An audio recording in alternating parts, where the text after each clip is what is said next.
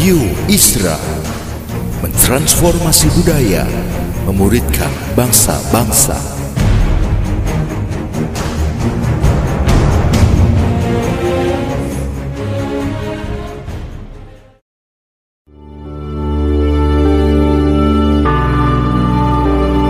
Apostolic Prophetic Messages mengungkapkan pesan dan arahan dari hati Tuhan bagi gerejanya demi menuntaskan mandat kerajaan Allah di Indonesia dan bangsa-bangsa.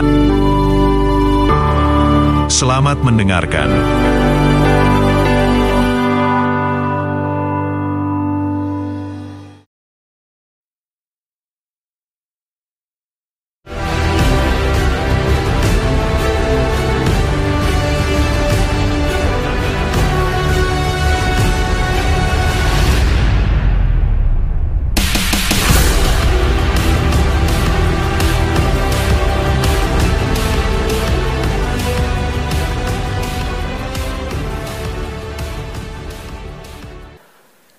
Ada orang beli burung yang katanya bisa nyanyi. Jadi burung dibawa pulang ke rumah. Dia tunggu burung gak nyanyi. Jadi dia pulang ke penjualnya. Burung yang gua beli gak nyanyi. Oh, biasanya burung itu mesti dikasih inspirasi dulu biar dia nyanyi. Apa dong? Sangkarnya gimana sangkarnya? Besar apa kecil? Besar. Udah kasih itu nggak ayunan biar dia waktu ngayun-ngayun dia feel ada mood dia nyanyi. Oke, pulang ke rumah dia pasang uh, ayunan. Burung ayun-ayun nggak nyanyi. Dia nggak pergi lagi dia telepon. Bos, burung belum nyanyi. Oh enggak enggak, kasih tangga biar dia jalan-jalan, kasih air sedikit, ada pisang, ada kacang. Siap. Pasti burungnya orang Ambon. Sudah. Putar. Buat. Nggak nyanyi juga. Siap. Bikin yang lain lagi. Semua sudah dia buat. So tiga hari. Terus orangnya nanya, burung udah dikasih makan belum? Belum. Ah, itu pantas dia nggak nyanyi. Kasih makan dulu baru dia nyanyi. Oh saudara nggak ngerti, terima kasih. You know, banyak banyak case kita datang di di banyak conference, kita suka hype-nya, kita kehilangan hal yang terpenting untuk duduk dan absorb apa yang Tuhan sedang kerjakan. Kita tidak percaya cuman event kan, kita percaya Tuhan selalu ada dengan kita kan. Jadi ini cuma sekedar memberi sesuatu buat kita. Selebihnya kita pulang, kita membawa sesuatu yang dahsyat dalam kehidupan kita. Makan enggak saudara? Nah repotnya kita mau makan apa yang kita mau. Sedangkan Tuhan kasih buat kita apa yang penting buat kita. Ah, kita mau pilih apa yang kita mau kan. Kita pilih pembicaranya, kita pilih topiknya yang mana. Terus kemudian waktu kita makan, kita kemudian mau cari apa yang pas buat kita. Tapi Tuhan lebih tahu apa yang pas buat kita. Nah, mari kingdom mandate. Saudara sudah tahu, sudah dijelaskan kepada saudara, saya cuma ulang saja. Kejadian 1 ayat 26 katakan bahwa ada dua mandat pada creation. There are two mandates in creation. First is cultural mandate. Second is actually government mandate. Ada uh, apa budaya atau uh, kita sebut sebagai mandat budaya ada juga disebut dengan mandat kerajaan, kingdom mandate. Dua hal tersebut. Dengan cepat saya saya beritahu buat saudara bahwa mandat budaya itu adalah keserupaan. Itu mandat. Kita akan memenuhi bumi ini dengan keserupaan dengan Allah. Kita tidak paksa menjadi serupa dengan Allah, tapi Tuhan sudah mengirim Kristus di dalam kita yang menyebabkan kita bakal serupa dengan Allah. Kalau saudara tidak percaya Yesus berdiam dalam saudara, itu berarti kesalahan ada pihak saudara. Tuhan berdiam dalam saudara dan dia mau saudara menyatakan keserupaannya dalam diri saudara. Apa yang disampaikan Pastor William Hinn kepada kita bahwa benar kita tidak perlu berupaya untuk serupa dengan Tuhan. Karena kita memang sudah serupa dengan dia. Dan yang paling powerful adalah dia menaruh itu dalam kehidupan kita. Dan ini prinsipnya. Everything that God asks you something, He asks from His, or it generates from His own character. Apa saja yang dia minta saudara kerjakan selalu keluar dari karakternya. Kalau dia minta saudara berdoa, karena dia juga Allah yang berdoa. Kalau dia suruh saudara taat, karena dia juga Allah yang taat. Kalau dia suruh saudara melakukan sesuatu, dia telah mengerjakannya terlebih dahulu. Dan di dalam kita dia sudah taruh semuanya. Tinggal kita memanifestasikannya keluar. Itu yang kita sebut dengan kingdom culture. Kita tidak akan bahas itu lebih jauh. Kita akan konsentrasi kepada yang kedua, kepada mandate, kepada pemerintahannya. Nah, saya tidak akan bahas nitty-gritty lagi mengenai hal tersebut. Sebab tujuh tahun kita melaksanakan conference, day in, day out, kita membicarakan tentang semua teori, semua kemungkinan, semua arah.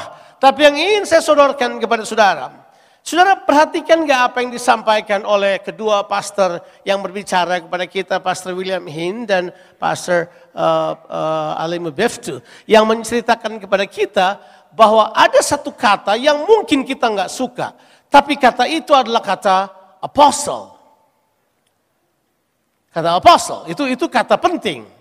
Nah, saudara tidak perlu panik dengan kata apostle tersebut. Sebab kata apostle inilah mungkin yang perlu kita pikirkan saat sekarang ini untuk operates di dalam apa yang kita sebut dengan kingdom mandate. Nah, waktu Pastor William Hin menjelaskan I am that I am that sent me, itu kemudian kita paham waktu Tuhan mengutus kita, kita sudah mesti tahu, nggak usah pikir yang lain. Tuhan ada pada yang diutusnya. Itu sudah jelas. Bukan dia menyertai, dia ada di situ, dia bersama dengan saudara. Dia kemudian akan mengerjakan apa yang sudah kerjakan. Yang paling penting sekarang ini adalah arahnya. For years kita mengarah ke dalam tidak keluar. Jadi dalam dalam dalam sharing yang terakhir ini saya ingin sekali untuk encourage saudara untuk berpikir kepada ke mana kingdom mandate ini akan berlangsung, akan mengarah, ke mana kita bakal pergi. Ada beberapa hal yang saya katakan kepada saudara, dan hal yang pertama itu adalah ini. Semua gereja lokal, semua gereja yang pertama adalah mengambil identitasnya di dalam Tuhan, yang kedua identitasnya ada pada kota mereka. Jadi sasaran apostolic mandate saudara, sasaran kingdom mandate saudara is your city. Kita sudah katakan bahwa movement kita bukanlah denomination. Kita ini adalah post-denominational movement. We don't believe in denomination anymore. Oh, enggak ya. Katanya udah post. Post. Kalau sudah post, itu sudah di belakang kita. Jadi kalau saudara sampai hari ini masih berkelahi soal denominasi, itu perkelahian yang sia-sia. Coba ingatin aja. Yang paling penting sekarang adalah, yang paling penting sekarang adalah ini kota yang kita perlu urus. Kalau saudara berpikir denominasi, seluruh effort saudara, seluruh keuangan saudara, seluruh pemikiran saudara bersumber kepada pusat denominasi tersebut. Kota saudara nggak keurus, kota saudara berantakan, saudara gagal menjalankan mental profetik saudara, mental apostolik saudara di kota saudara. Makanya kita perlu mengerti bagaimana rasul-rasul bekerja. Sebab rasul-rasul bekerja itu benar-benar seperti pattern yang mereka kerjakan. Saya, mendengar, saya menulis, saya mencatat. Waktu uh, uh, uh, uh, Pastor William Hin menulis, ada mungkin 14 kali, kalau nggak salah, 9 sampai 14 kali.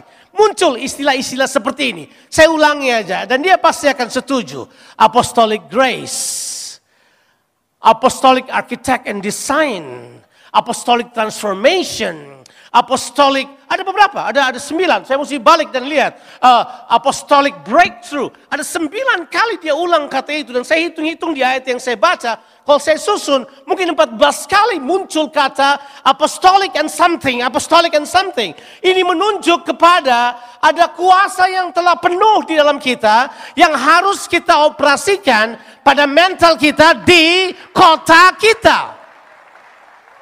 Tapi masalahnya sekarang timbul di sini.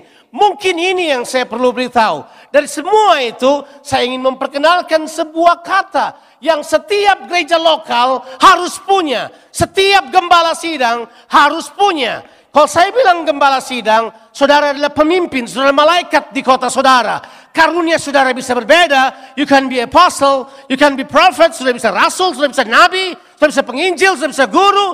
Yang paling penting begini, saudara kemudian mengizinkan apostolic anointing dari Tuhan bergerak dalam gereja saudara untuk break out menyentuh semua orang di kota saudara. Itu jauh lebih penting.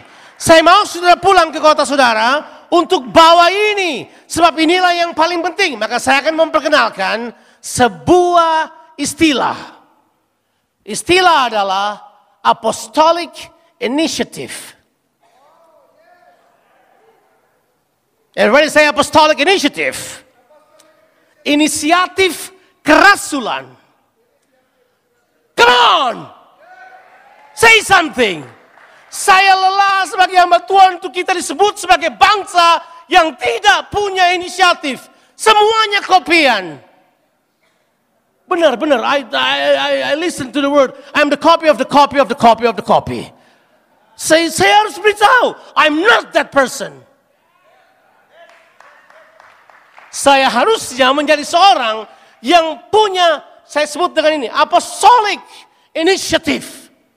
Hei, di Alkitab ada sebuah gereja di luar Yerusalem yang sebenarnya mereka tidak punya rasul, tidak punya nabi, tapi mereka kemudian hmm, melakukan apa yang saya sebut dengan apostolic initiative. Nah, gini saudara, kita selalu contek struktur kita selalu ambil struktur.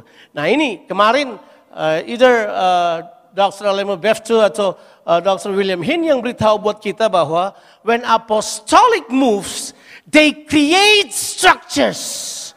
Mereka bentuk structures, mereka ciptakan sesuatu dalam struktur tersebut. Saya mempercayai saudara bertanggung jawab untuk struktur yang tepat guna di kota saudara. Struktur yang tepat guna di kota saudara.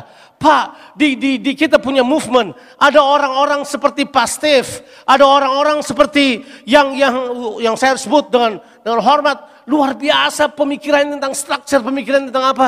Hei, kenapa kita tidak kemudian ambil hal tersebut, kemudian berinisiatif untuk melepaskan pengurapan ini.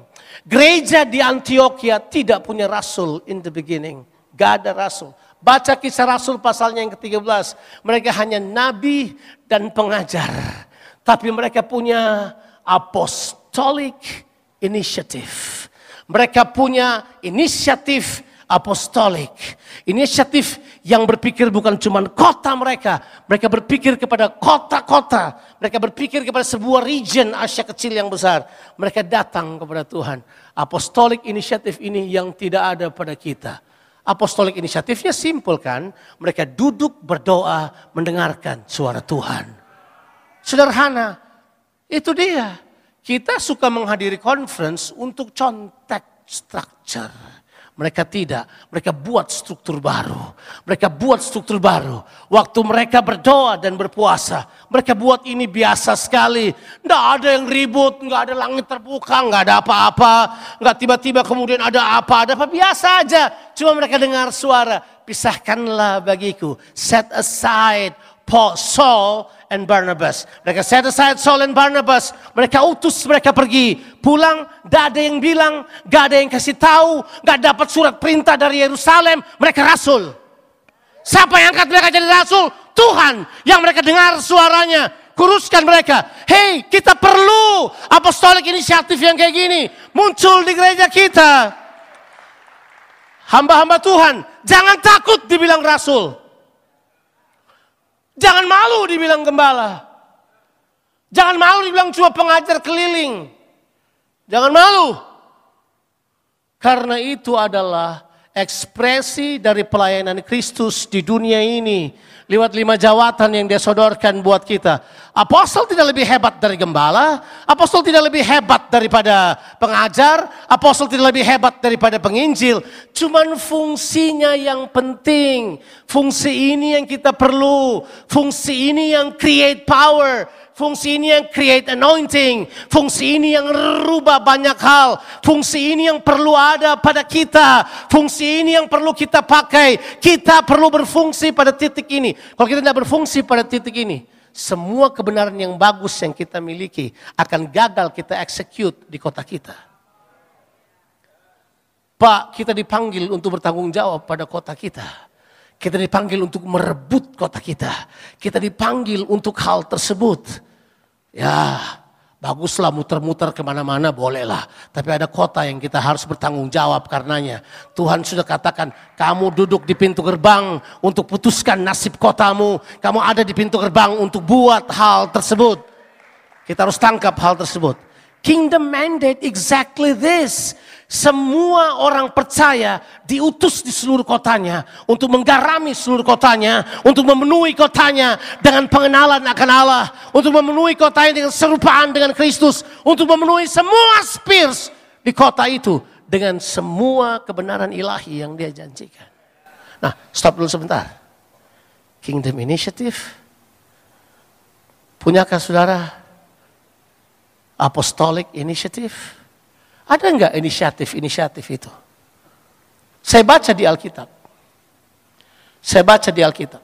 Tadi ayatnya baru, baru aja dikutip oleh Dr. Uh, William Hen. Waktu dia berkata di dalam Filipi pasal 2 ayat 13 dan 14 bahwa Allah lah yang mengerjakan di dalam kamu baik kemauan ataupun keinginan. Saya tambah inisiatif So where are the initiatives? Di manakah inisiatif-inisiatif yang kreatif? Di manakah inisiatif-inisiatif yang yang luar biasa yang Tuhan sudah berikan buat kita? Di manakah itu?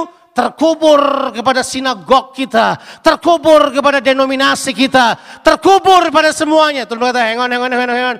Ganti, ganti, ganti. Tukar. Tukar. Inisiatifmu harus diarahkan kepada hal yang lain. Saya baca di Alkitab. Kalau orang punya inisiatif ilahi. Seperti Abraham angkat kepalanya. Dia lihat tiga orang datang. Dia tahu itu Tuhan. Dia lari, dia sujud. Kemudian dia berkata, mampir sebentar, biar saya masak. Dia bikin roti bundar segede gedung ini. Karena roti bundar dari 19 kilo tepung terigu, ini segede gedung ini. Ada yang bikin roti bundar untuk kasih makan tiga orang 19 kilo? Enggak. Dia minta, dia potong lembu, dia kasih makan, kemudian dia tunggu sambil berkata gini, I'm ready, tell me anything, I will do it. Your wish is my command. Itu inisiatif. Yang kamu pikirkan kerjakan, saya akan selesaikan. Saya membesarkan banyak murid. Saya sudah dengar dalam mereka semuanya. Bang Jo, apa yang Bang Jo minta? Consider it done. Wow, saya bilang buat mereka, dari mana kamu dapat itu? Dari Bang Jo. See? Kalau kita punya inisiatif, karena inisiatif memang kadangkala tidak bisa diajarkan, dipindahkan. Inisiatif ditularkan, inisiatif dipindahkan. Waktu Daud, waktu Daud ada di, Daud punya kingdom ini nih, apostolic inisiatif. Waktu Daud ada di Gua Adulam, yang datang ke dia orang-orang yang bermasalah. Yang datang ke dia orang-orang yang bermasalah. Yang dia rubah menjadi tentara-tentara yang hebat. Bukan soal perangnya yang jago. Yang dipuji di Alkitab terbanyak adalah inisiatif mereka. 2 Samuel 23 ayat 10 menulis sebuah cerita. Daud ada di tepi sebuah gunung. Melihat ke sebuah kota yang dia cintai. Kota kelahirannya yang bernama Bethlehem. Di, di, di Bethlehem itu ada sebuah sumur yang mungkin waktu dia kecil sering minum di situ. Dia lihat ke sumur itu, kemudian di sampingnya ada tiga triwiranya itu. Kemudian Daud berkata begini pada ke dalam hatinya dia bilang ini, seandainya saya bisa minum dari air pada sumur itu. Dia cuma ngomong begitu. It's so wishful thinking. Nggak bisa dia minum karena apa? Kota itu sedang dikepung oleh orang Filistin. Kota-kota kita sedang dikepung oleh orang Filistin. Kota-kota kita sedang dikepung oleh orang-orang. Mereka sedang terintimidasi, dikuasai dan seterusnya. Tapi Daud berkata begini, I wish I could have drink the water from that well. Kalau saya bisa minum di situ. Dia tidak perintah. Tapi begitu dia angkat wajahnya. Tiga triwira ini Kata itu tidak tidak tidak tidak banyak ditulis di Alkitab. Kata itu ditulis cuma beberapa kali. Tiga triwira ini kata yang dipakai breakthrough. Mereka breakthrough lewat penjagaan semua orang. Timba air dari perigi itu lari balik pada Daud. Begitu Daud lihat Daud berkata begini, "This is insane. You shouldn't have done it for me. Kamu harus buat itu buat aku. Buat apa? Gila kamu bisa mati." Tapi mereka cuma bawa air dan berkata, "Minumlah sang raja." Daud berkata, tidak layak aku minum ini. Karena ini adalah jiwa dari orang-orang ini. Baru Daud membuat sebuah korban yang tidak pernah tertulis di Alkitab sebenarnya. Dia curahkan airnya ke tanah sebagai korban curahan kepada Tuhan. Sebab yang mereka buat adalah sebuah inisiatif yang tidak dimiliki orang-orang biasa. Inisiatif yang telah terimpartasi dalam diri mereka. Where is this initiative? Kalau kita melakukan inisiatif, Tuhan membacanya sebagai iman. Kalau kita melakukan inisiatif, Tuhan membacanya sebagai ketaatan. Inisiatif ini adalah sesuatu yang Tuhan suka. Masih ingat kan? Yesus duduk di sebuah rumah, orang berkerumun begitu banyak. Tiba-tiba ada orang bawa seorang lumpuh, digotong oleh empat temannya. Mereka pikir gimana nih nggak ada jalan. Hei, mereka naik ke atas rumah, bobolin itu, inisiatif. Bobolin atap rumah, cap, turunkan Inisiatif mereka dibaca sebagai iman yang berkenan. Where is this now? Di mana ini? Elia naik tinggalkan jubahnya. Semua nabi melihat dari jauh. Elisa ini mau bikin apa dengan jubah ini nih? Dia mau bikin apa mau jubah ini? Dia nggak pusing, dia ambil jubahnya. Sampai di tepi sungai Yordan. Inisiatif muncul. Where is the God of Elijah? Terbelah dua langsung dia jalan. Where is this initiative? Dalam sebuah buku Why Revival, Why Revival Terrace, penulisnya adalah Leonard Ravenhill. Dalam sebuah subjek dalam tulisan itu dia berkata begini, This day we are not looking the God of Elijah, we are looking the Elijahs of God. Sedang dicari sekarang bukan Tuhannya Elia, yang dicari sekarang Elia, Elianya Allah, di mana mereka? Di mana mereka orang yang berinisiatif kerajaan. Orang yang berinisiatif untuk dudukan kota mereka. Tundukkan kota mereka. Mereka nggak takut dengan yang lain. Pemikirannya mereka cuma kota mereka. Saya menawarkan tiga hal untuk kota saudara. Kawin dengan kotamu. Lahirkan ministry-ministry yang banyak di situ Lahirkan inisiatif-inisiatif baru buat kota saudara. Lahirkan bisnis, ministry. Buka peluang ini, buka peluang itu. Jangan berhenti. Ya, kawin sama kotamu. Lahirkan sesuatu di dalamnya. Yang kedua, temukan kehendak Allah untuk kotamu.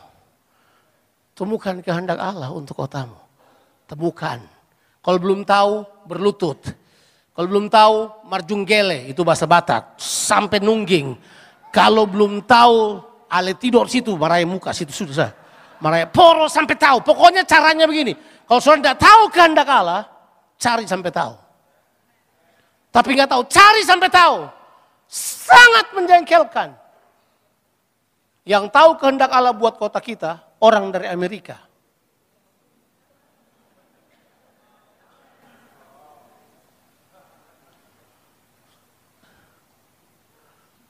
Waktu Alimi Beftu bilang begini, he was fasting for Indonesia. Seperti ulu hati saya di itu tuh. Bang! He was praying for our nation. Fasting for our nation. And we're who lives in this country. What we have done? Eating and be merry. The church merry uh, the, the world marry, the church eating. Kita makan terus semua sebahagia. Kita cuma lupa apa kehendak Allah buat kota kita. Temukan lagi, temukan lagi. Saya tidak percaya keseragaman di setiap kota. Saya tidak percaya struktur yang sama di setiap kota. Saya tidak percaya pendekatan yang sama di setiap kota. Saya tidak percaya, saya tidak percaya. Semua bisa berbeda. Saya tidak percaya ukurannya harus sama di setiap kota. Saya tidak percaya semua modelnya harus sama di setiap kota. Saya mempercayai setiap kota menemukan dengan Tuhannya ini yang mereka harus kerjakan.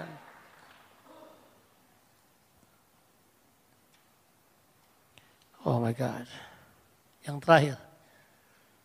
Ini dia ini. You serve the city. Layani kota saudara. Serve it well. Layani mereka. Layani orang miskinnya. Layani orang kayanya. Layani siapa saja yang ada di kota itu. Layani mereka. Serve the city well. Nah ini yang kita perlu. Ini yang kita perlu. Saya akan akhiri dengan cerita ini dan saya selesai. Di dalam kitab kisah Rasul pasalnya yang ke-8. Ada seorang penginjil bernama Filipus. Dia pergi ke Samaria. Sampai di Samaria dia beritakan Injil. Dan haleluya, Injilnya disertai dengan tanda-tanda dan mujizat.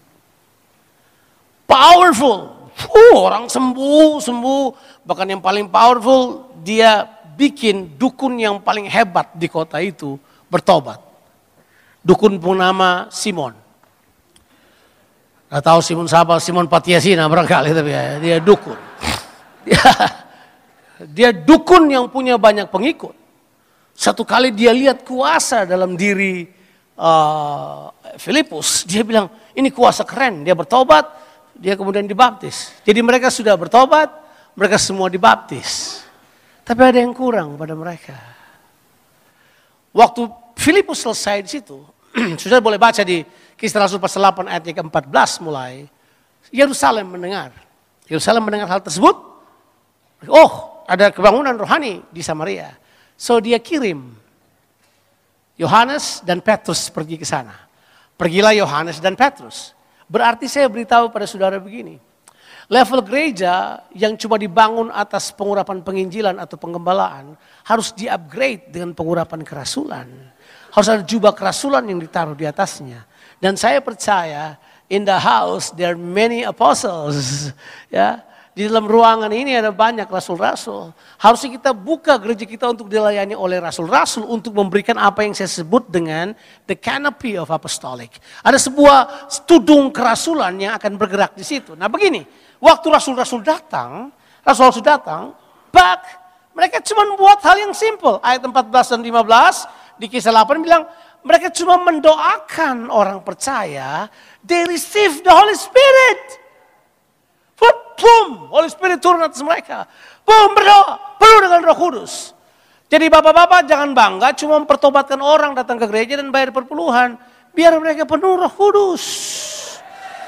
Biar mereka penuh roh kudus. Dan boleh saya beritahu, jangan tunggu roh kudus di hari Pantekosta.